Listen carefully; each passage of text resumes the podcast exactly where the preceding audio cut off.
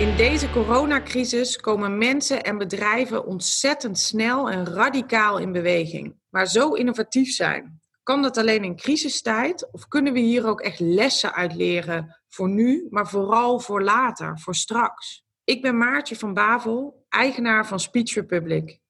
En ik heb al mijn hele leven een fascinatie voor verhalen die verandering teweeg brengen. Ik doe met mijn bedrijf Speech Republic niks anders dan het losmaken van al deze gave verhalen van sprekers, van politici, van CEO's, van mensen in het bedrijfsleven. En nu, in deze tijd, hoor ik constant schitterende verhalen van mensen die een ommezwaai hebben gemaakt, die hun hele businessmodel hebben omgegooid, die een beweging op hebben gericht. En ik ben deze verhalen gaan bundelen in deze podcastreeks. Iedere dag kun je een podcast in je inbox ontvangen met zo'n gaaf, inspirerend verhaal vol verandering. Ik kan niet wachten om ze allemaal te horen. En ik hoop jij ook niet.